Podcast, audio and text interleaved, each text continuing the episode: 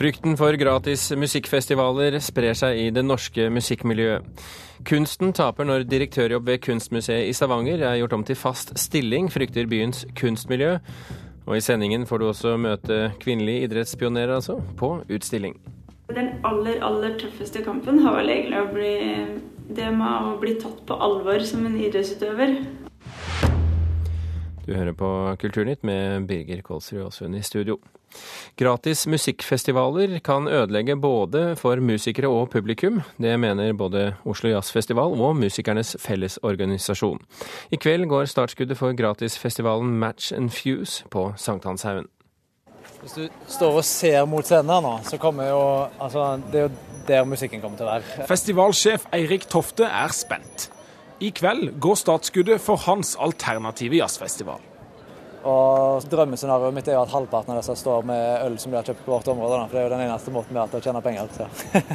ja, det må selges øl. For Tofte tar ikke ei eneste krone i inngangspenger. Det betyr at de fleste artistene også spiller vederlagsfritt. Og det er det mange som ikke liker. Husker ikke. Lise Novakap Calloway her, husker du det? På kontoret til Oslo Jazzfestival så er det tett mellom de gode minnene. Iallfall 20 år siden. Her står det kanskje. Nei. Jo, 1987, sånn her. Cab Calloway fikk selvsagt betalt når han spilte på jazzfestivalen i 1987. Daglig leder Edvard Askeland mener festivaler må betale sine artister også i dag. På samme måten som man betaler for eh, det man spiser og det man drikker, så skal det man tar inn i sjela si også eh, kunne være et levebrød for noen. Ideen med at dette skal være gratis, og også mange skal spille gratis, det er ikke en holdbar forretningsidé. Og det, det stritter veldig imot det som vi har jobba for i alle år, nemlig at det skal være mulig å leve profesjonelt av å være musiker. Og taperen oppi dette, det er deg og meg, sier Askeland.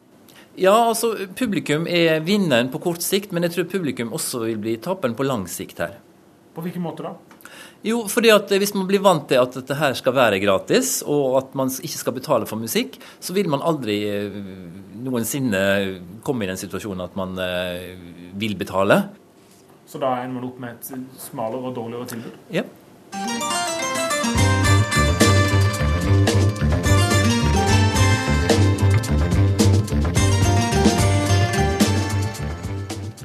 Som publikummer så kan det selvsagt friste med en gratis konsertopplevelse. F.eks. fra Jaga Jazzist, som også spiller på Match and Fuse i kveld. Festivalsjef Tofte mener også at han har alt sitt på det rene. Jeg betaler jo headlinerne sånn som de skal, og alle de andre musikerne er 100% med på tankegangen. Så sånn er ingen, ingen band feelings. Men i utgangspunktet så er det ingen, bortsett fra headlinerne, som får betalt? Nei. Vi tar med festivalprogrammet og forteller Musikernes Fellesorganisasjon, MFO, om musikere som spiller gratis midt i festivalsesongen. Det er, er veldig beklagelig. MFO-leder Hans Ole Rian er ikke fornøyd med det han får høre.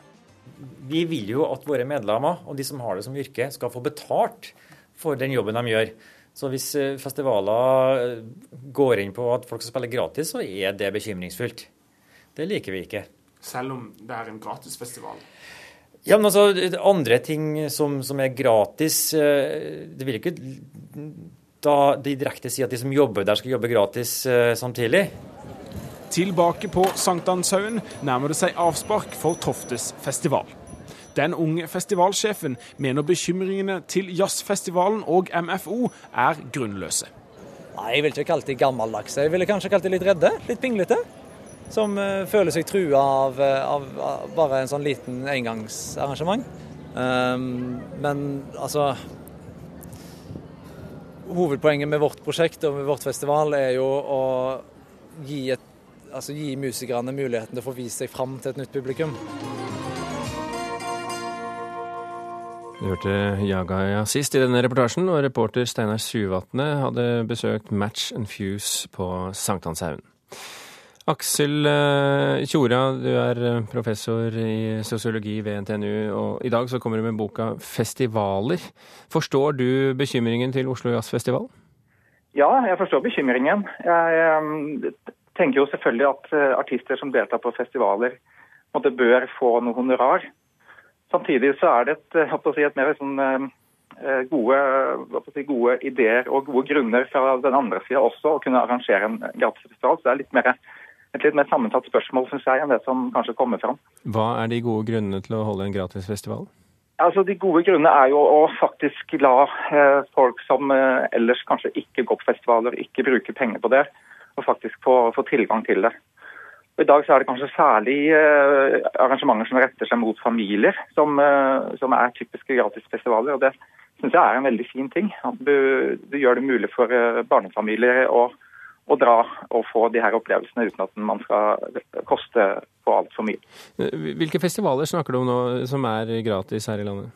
Altså det er jo, Mange av de her store festivalene har noen sånne familiearrangementer, gjerne på dagtid. og så har du en god del av eh, la oss halvdags, heldagsfestivaler som, eh, som liksom popper opp litt her og der.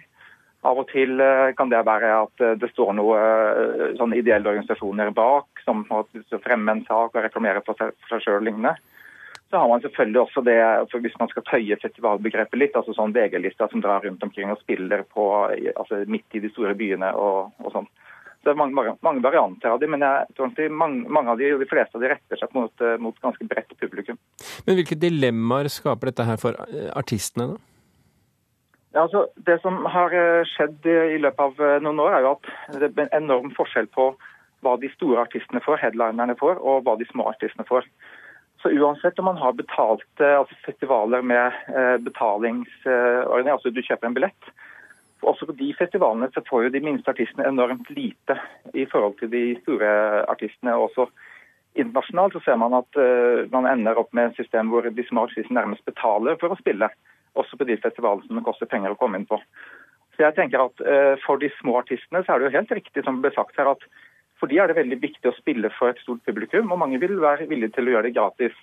Og så er det jo faktisk sånn at De fleste musikere i Norge innenfor uh, rock-pop-feltet f.eks. er jo hobbymusikere som ikke lever av å spille musikk, og dermed kan eh, ta seg råd til for å si det sånn, å spille gratis på en festival for å spille på et stort publikum. Eh, men Skaper dette noen dilemmaer for disse artistene? Ja, altså, Jeg tenker jo at det er veldig interessant for en artist å spille for et stort publikum.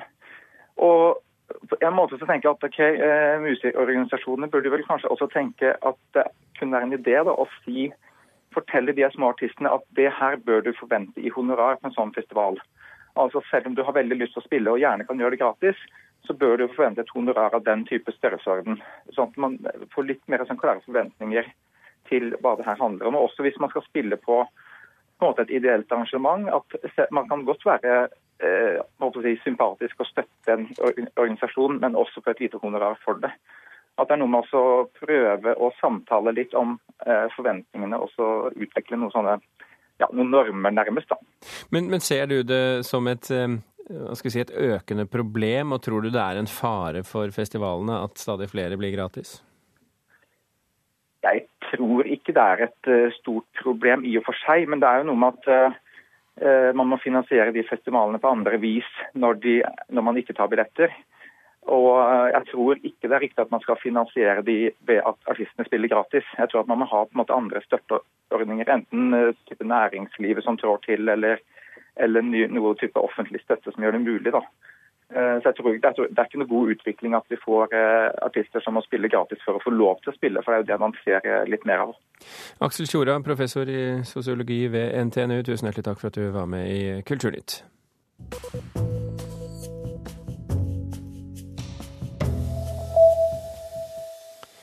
I Iran er flere titalls regimekritikere arrestert før morgendagens presidentvalg. En ny Amnesty-rapport viser at myndighetene har intensivert jakten på alternative stemmer gjennom trusler og arrestasjoner av journalister og politiske aktivister. Det skriver Aftenposten i dag. Flere kunstnere er opprørt over behandlingen de har fått av Stenersen-museet, skriver Dagbladet. Mye av frustrasjonen har sammenheng med utstillingen Fresh Paint, som i fjor ble avlyst på en måneds varsel. Kommunikasjonsdirektør ved Stenersen-museet, Bård Hammervoll, sier at de opplever samarbeidet med kunstnerne som bra, og fortsatt ønsker å vise utstillingen. Og Det norske piratpartiet krever at Norge gir asyl til varsleren Edward Snowden, som siste uke avslørte at amerikanske etterretningsmyndigheter kan overvåke nordmenn gjennom nettselskaper som Google og Facebook. I en pressemelding skriver partiet at de nå frykter at Snowden kan bli fengslet under inhumane forhold og ført for retten for en lukket militær domstol. Klokken er drøyt kvart over åtte. Du hører på Kulturnytt, og dette er toppsaken i NRK Nyheter akkurat nå. Kunnskapsministeren vil forandre ordningen med leksehjelp. Undersøkelse viser at forskjellen på de flinke og de svake elevene har økt. Og skandinaviske FN-soldater kan bli plassert på Golanhøydene, ifølge den israelske avisa Haaretz. Kunstnere i Stavanger er sjokkert over at direktørstillingen ved byens kunstmuseum i det stille er gjort om fra åremål til fast stilling. Dette skjedde da Kunstmuseet ble innlemmet i det nye regionmuseet i 2010, og selv om det bryter med tradisjonen i norsk kulturliv. Trist for kunsten, mener kritikerne. Jeg ble rett og slett litt eh, overgitt, som vi sier på stavangersk, sjokkerte. Det burde jo vært en debatt først. Det sier kunstner Natasja Askelund når NRK forteller at direktørstillingen ved Stavanger kunstmuseum er gjort om fra åremål til fast stilling.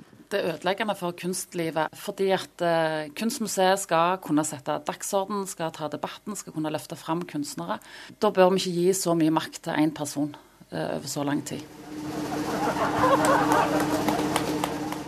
Festivitas i Stavanger sentrum 1.7.2010, da ordfører Leif Johan Sevland avduket logoen for det nye sammenslåtte regionmuseet, med navnet MUST, som i dag består av ti museer. Kunst er et viktig satsingsområde. Og vi er òg glad for at Kunstmuseet nå kommer inn i en ramme som gjør at det får et enda bedre liv framover. Gratulerer med dagen, alle sammen. Det ordføreren ikke fortalte, var at direktørstillingen ved Kunstmuseet, som inntil da hadde vært en åremålsstilling på tre år, var omgjort til fast ansatt avdelingsleder i forbindelse med fusjonen. I en konsolidering så er det mange hensyn du må veie opp mot hverandre, og det var rett og slett et valg vi måtte ta. Det sier styrelederen i Regionmuseet i Stavanger, Sissel Knutsen Hegdal. Eh, når vi fikk forelagt oss det som en sak i styret, så var det av juridiske hensyn. Det ble anbefalt eh, å endre fra åremål til fast stilling. Vi burde ha en lik ansettelseskontrakt på samtlige. Dvs. Si at eh, åremål som var vel, hvis jeg husker riktig, kun for den stillinga, at det da gikk ut og ble erstatta med vanlig oppsigelse. Etter fusjonen fikk Regionmuseet en administrerende direktør på toppen, mens de gamle direktørene ble avdelingsledere. Ifølge styrelederen var det altså ikke mulig å gjøre forskjell på dem og beholde en åremålsstilling på Kunstmuseet. Men slik er det ikke i Trondheim, der Susette Påske er administrerende direktør i MIST, museene i Sør-Trøndelag. Altså, vi i museene gjør jo kunstfaglige produksjoner i utstillinger. Der får vi ledere som tar med seg et internasjonalt nettverk, vi har et kunstfaglig blikk som kan ha ulik tyngde, og jeg tror at med jevne mellomrom så er det viktig at man da skifter ut disse lederne. MIST opererer med det Påske kaller delt lederansvar. Direktørene har beholdt sine titler og sine åremål i det nye fusjonerte regionmuseet. Dette har vært vanlig i Norge over lang tid, og jeg vil synes at det er leit hvis at konsolideringen skulle føre til en annen praksis. Dette er jo også vanlig ved opera, teater osv. I Stavanger ble Peter Meyer ansatt som Kunstmuseets direktør på tre års åremål i 2007. Nå sitter han altså på ubestemt tid. Dette bryter med en sterk tradisjon i norsk kulturliv. NRK har snakket med flere i byens kunstmiljø som reagerer kraftig på det Museum Stavanger har gjort. Men styreleder Knutsen Hegdal mener dette var en intern personalsak, og at de har gjort det rette. I alle fall inntil videre det er jo ikke akkurat her og nå, men på et eller annet tidspunkt i framtida så vil det jo bli behov for en ny direktør. Eh, og, og, og da, da, er jeg åpen for at vi kan ta, ta den diskusjonen og på en måte se på om vi bør gjøre det på en annen måte. Kunstner Natasha Askelund lar seg ikke berolige av museets argumenter. Hvis det er en forklaring fordi det har blitt en sammenslåing, så forteller det at den sammenslåingen er ikke bra for kunsten. Og vi kan ikke bruke de samme organisasjonsmodellene og samme ideen om hvordan en gjør ting i kunstlivet som en gjør i resten av verden. Det burde de ha tenkt på før. Reporter her, det var Anette Johansen Espeland.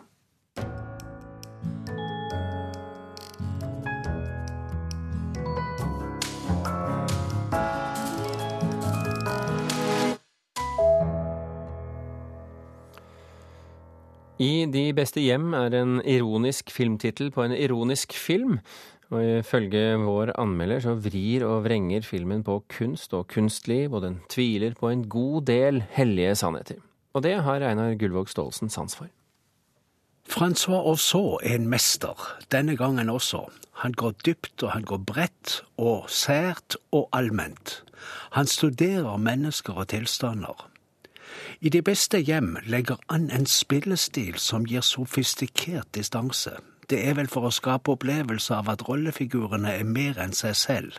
De representerer tilstander og sammenhenger. Vi interesserer oss for tilfellene mer enn vi bryr oss om det enkelte mennesket. Est-ce que tu peux m'expliquer ce qu'on vient faire dans cette histoire Oh, ben, je sais pas, je sais pas du tout. Il s'égare, hein. Dis-moi, tu n'as rien à voir avec cette histoire d'épreuve de maths. Kristin Scott Thomas er likevel særdeles nærværende. Hun er så god. Hun går for å være engelsk og amerikansk skuespiller, men gjør sine beste roller i Frankrike. Det er der hun bor. Non, mais moi, je trouve ça pas mal, hein. Je pense que ça peut se vendre. hein. Est-ce que tu crois que j'ai vraiment envie de transformer ma galerie en bazar Dette er Frankrike. Hun spiller fransklærerens kone. Han skal gjøre gagns mennesker av 16-åringer ved å gi dem koden til litteraturen. Det er en stor jobb og kan bli et rikt liv. Det er nok ikke meningen, men å se filmen I de beste hjem kan være som å følge Karl Ove Knausgård i skriveprosessen med debutboken Ut av verden. Rollene er stokket om, og de sosiale og kulturelle nivåene er annerledes, men noe ligner, hvis vi ønsker å se det sånn. 16-årige Claude kikker. Teksten hans observerer hjemmet til en klassekamerat. Han studerer mellomklassehusmoren i sofaen som alltid blar i interiørblader, og han registrerer faren som er sportsidiot. Det blir sønnen Rafa også. Claude har alltid hatt lyst til å kikke i det huset. Det skriver han også. Nå blir han etter hvert husvarm fordi han hjelper Rafa med matematikken. Han skriver det slik han ser det, sier han, men han skriver ikke alt han ser. Han mener ikke å være utleverende. Den første teksten avsluttes med fortsettes. Læreren som leser den, ser for seg et forfattertalent som skal hjelpes frem. Og fortsettelsen er inspirert av lærerens interesse.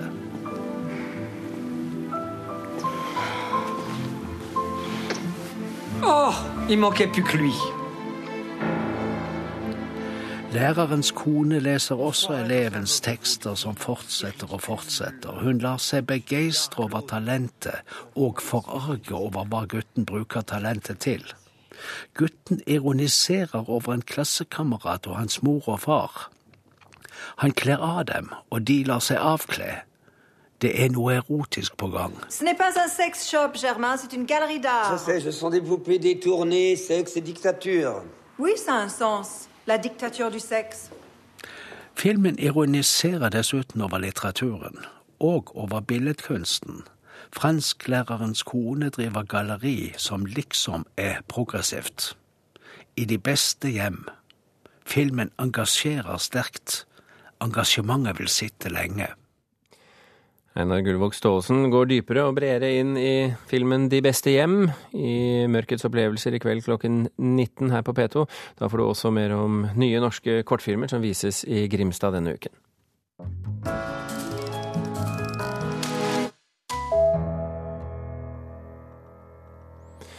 I dag innfører Facebook såkalte hashtags, søkbare emneord eller emneknagger. Dermed kan brukerne søke opp og følge med på emner som interesserer dem, slik de allerede kan i andre sosiale medier. Facebook skriver selv at hashtags skal innføres trinnvis, og når, når de norske brukerne får bruke dette, det er foreløpig ikke kjent. Den saudi-arabiske prinsen al-Walid bin Talal saksøker magasinet Forbes, skriver VG. Grunnen er at magasinet plasserte ham som nummer 26 på sin liste over verdens rikeste. Selv mener han at han burde vært rangert som en av de ti øverste på listen. Kvinner skulle ikke løpe så de ble svette, det så ekkelt ut, og kunne være farlig. Dette var noen av argumentene kvinnelige langrennsløpere ble møtt med for noen tiår siden. Nå blir kvinnelige idrettspionerer løftet fram i en ny utstilling. Det er jenter, jenter,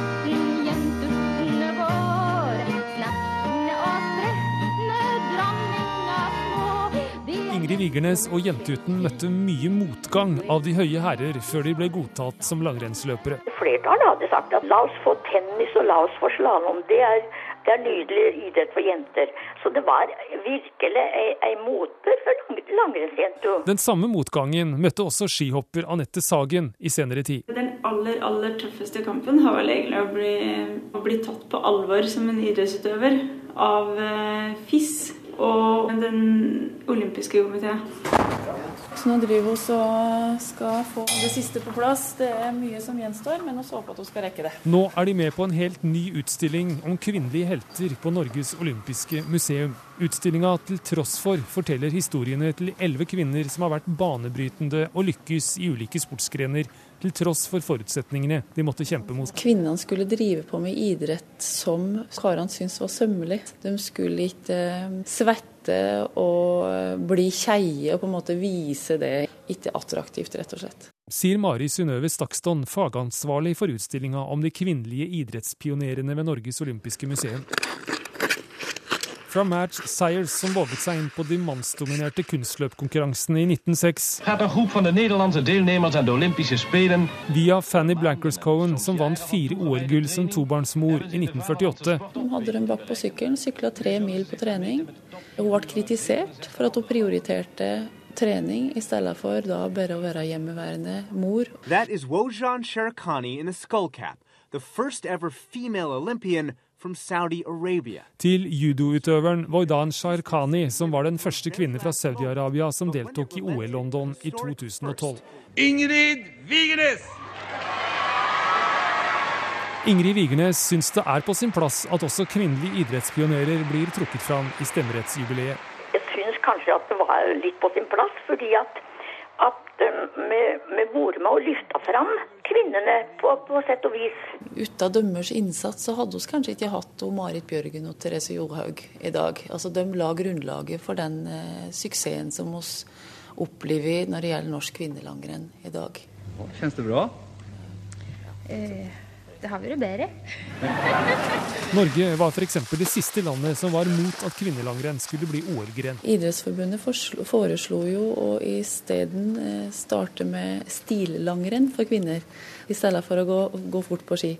Eh, så Ingrid Vigernes og, og, og Jentuten var på en måte mm, de som brøyta vei for norsk kvinnelangrenn. Så kan man klikke seg inn. Utstillinga, som er støttet av Barne-, likestillings- og integreringsdepartementet, tar i bruk ny teknologi der publikum sjøl velger tekst, bilder og video ved å trykke på iPad-skjermer, sier Sebastian Kühn. Vi har vel eh, det andre museet i eh, Norge som tar i bruk nettopp dette systemet her. Stafetten vår i 66 den gikk klokka ni om morgenen. Så det var ikke mye folk der da. Uh, from a medical point of view, it does not seem appropriate. Den er, den er syltynn. Jeg tror det er en viktig historie å fortelle, og at forhåpentligvis kan den her inspirere kvinner til å fortsette å kjempe for sine rettigheter innenfor idretten. Og kanskje òg så kan herremenn se hvor dumme de har vært av og til, og lære noe av det. Leder for OL-museet Ytre, Bjarte Ytterarne. Eh, utstillingen om kvinnelige idrettspionerer skal etter å ha stått på Norges olympiske museum i sommer, på vandring til andre museer og andre institusjoner. Reporter her, det var Stein S. Eide. Det var Kulturnytt denne morgenen. I dag har vi fortalt at både konkurrenter og Musikernes Fellesorganisasjon frykter for at gratis musikkfestivaler sprer seg. Sendingen i dag den fikk du levert av Espen Alnes, Ina Strøm, Hilde Tosterud og med Birger Kolsrud Aasund her i studio. Snart blir flere nyheter fra Nyhetsmorgen.